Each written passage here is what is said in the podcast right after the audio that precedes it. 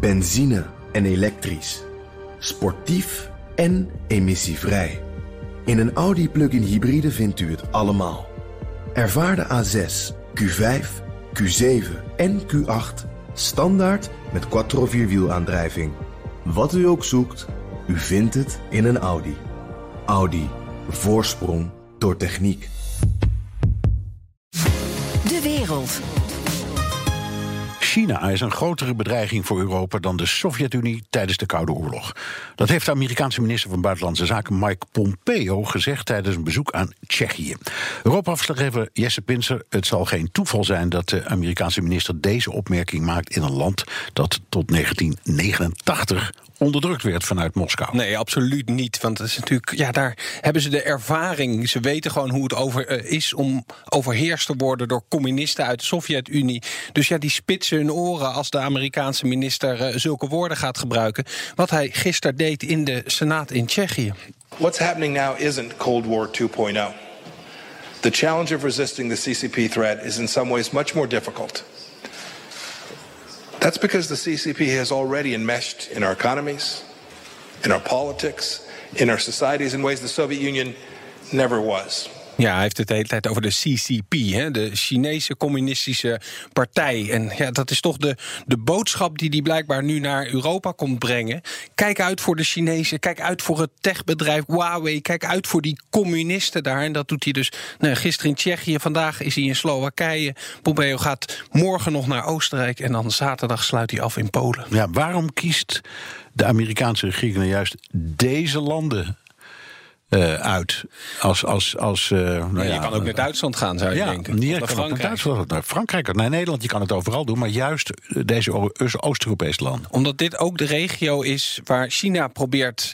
Nou ja, we kunnen het positief zeggen, een speciale band op te bouwen. Of als we meer de, de kritische kant kiezen, uh, dan zou je kunnen zeggen... ze proberen politieke macht en invloed uit te oefenen in deze regio. Je hebt dat 17 plus 1 programma, zeg maar... waar ze een vriendschap hebben met veel landen in Oost- en Centraal-Europa.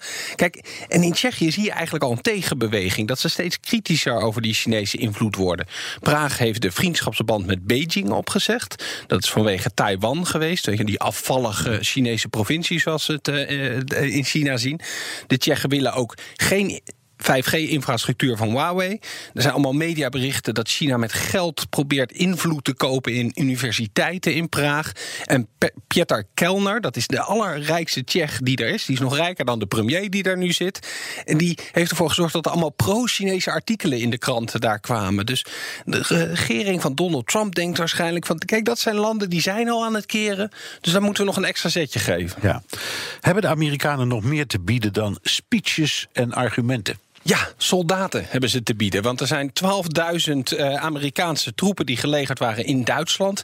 Die gaan daar vertrekken. Dat besluit van eind vorige maand was dat. En dit zijn landen, met name Polen is daar heel expliciet in, die hopen van dat die straks naar hun toe komen. Dat zij een Amerikaanse legerbasis uh, op een land hebben. Dus zeg maar, achter de schermen wordt daarover gesproken. De, uh, Trump die, die, zoekt dus duidelijk vriendjes in uh, Centraal-Europa, Oost-Europa. Maar uh, dat gaat dan ten koste van de vriendschap met Duitsland. Want ja, daar is niet veel meer van over. Daar is niet veel meer van over, nee. nee ik... Ik, ik dacht ook, toen ik dit las allemaal, aan Angela Merkel. Die was ongeveer de eerste, in, in de, de, toen Trump nog maar net president werd, die het al benoemde. Die zei, die relatie, die, die is niet meer goed. Nee, nou dat werd ook even duidelijk toen ik eerder vandaag een uh, gesprek had met Johannes Ploeg. Dat is een Duitse politicus. Jarenlang was hij de voorzitter van de par parlementaire China-groep in de Bundestag. Daarna is hij een speciale China-vertegenwoordiger geworden van de stad Duisburg. Duisburg wordt een beetje gezien als het einde van de nieuwe zuidenroute. Er komen al die Chinese treinen die komen daar aan om dan de goederen te verspreiden over de rest van Europa. En dat gesprek ging eigenlijk over China. Maar de heer Ploeg die wist het voor elkaar te krijgen om werkelijk iedere keer te beginnen over de slechte relatie met de Amerikaanse regering van Donald Trump. Zunächst mal äh, muss ich klipp und klar sagen, Donald Trump als Präsident der Amerikaner hält gar nichts von, äh, von Europa. Ja, er hat ja mhm. Mehrmals gemacht dat am liefsten de Europese Unie opgelöst zien willen. Ja, Trump wil eigenlijk Europa vernietigen. En ja, de Duitse politiek die kijkt gewoon rijkhalzend uit naar die verkiezingen. Die hoopt dat er een einde komt aan het presidentschap van Trump. En ja, de heer Ploeg die was daar heel erg duidelijk over. Erstens hoffe ich, dass Amerika einen neuen Präsidenten wählt im November, Joe Biden. Ja, en ja, het laat eigenlijk allemaal zien die worsteling van die Europese landen. Hè. Met Trump hebben ze een Amerikaanse vriend verloren, als het ware. En de Chinese vriend, die, die vertrouwen ze eigenlijk niet helemaal. En ja, Europa is misschien wat minder naïef aan het worden... maar echt een eigen koers tussen die grootmachten varen... dat is toch nog een ander verhaal. Dankjewel, Europa-verslaggever Jes Pinster. Benzine en elektrisch.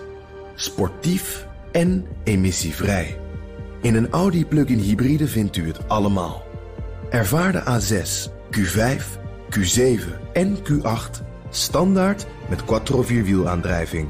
Wat u ook zoekt, u vindt het in een Audi. Audi. Voorsprong door techniek.